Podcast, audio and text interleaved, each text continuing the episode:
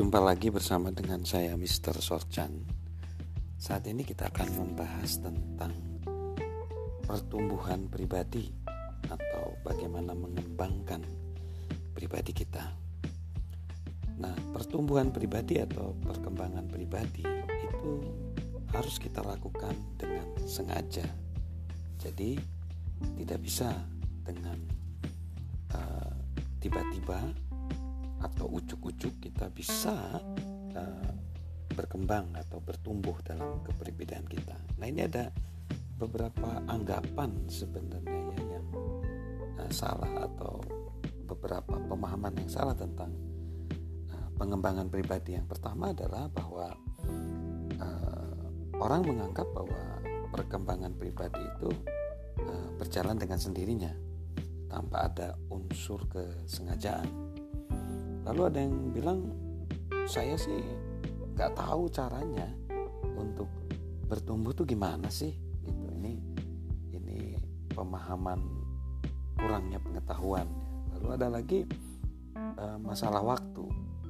Ini bukan waktu yang tepat nih untuk saya memulai pertumbuhan pribadi atau perkembangan pribadi ya. Ini jadi masalah juga ya. Lalu ada yang bilang gini saya takut salah saya takut membuat kesalahan jadi saya nggak mau deh untuk saya uh, bertumbuh atau berkembang kepribadian saya.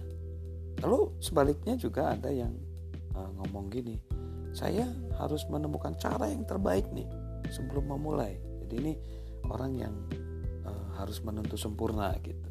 Itu juga pemahaman yang salah sebenarnya. Dan juga uh, saya nunggu inspirasi deh. Kalau ada inspirasi yang bagus saya mau saya mau untuk uh, melakukan pertumbuhan kepribadian atau perkembangan kepribadian. Juga ada yang uh, suka membandingkan. Orang lain kayaknya lebih baik dari saya nih. Bedanya dia tidak melakukan juga program uh, pengembangan diri ya. Lalu ada lagi uh, harapan. Wah saya kira uh, akan lebih mudah nih dari ini ternyata nggak sesuai dengan ekspektasi dia. Nah ini juga nah, jadi sebenarnya gimana sih supaya kita dapat uh, bertumbuh supaya kita dapat mengalami keberhasilan kesuksesan? Sebenarnya uh, perkembangan pribadi itu kita anggap sebagai persiapan sebenarnya. Ya persiapan. Lalu ditambah dengan sikap kita lalu ditambah dengan kesempatan ditambah lagi tindakan maka di situ akan ada keberhasilan kesuksesan. Ya jadi ada empat faktor persiapan kita melakukan mentoring self improvement ya lalu ditambah dengan sikap yang baik, ditambah dengan kesempatan, ditambah juga dengan tindakan maka uh, kita akan uh, berhasil. Kita akan mengalami kebahagiaan hidup ya.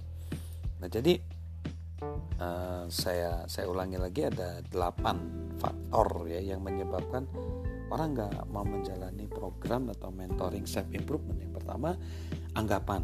Dia menganggap bahwa nah, saya ini dapat bertumbuh sendirinya lalu tanpa perlu program atau mentor. Lalu nah, saya tidak tahu cara nih untuk bertumbuh gimana gitu. Ini ada kurangnya pengetahuan. Lalu waktu.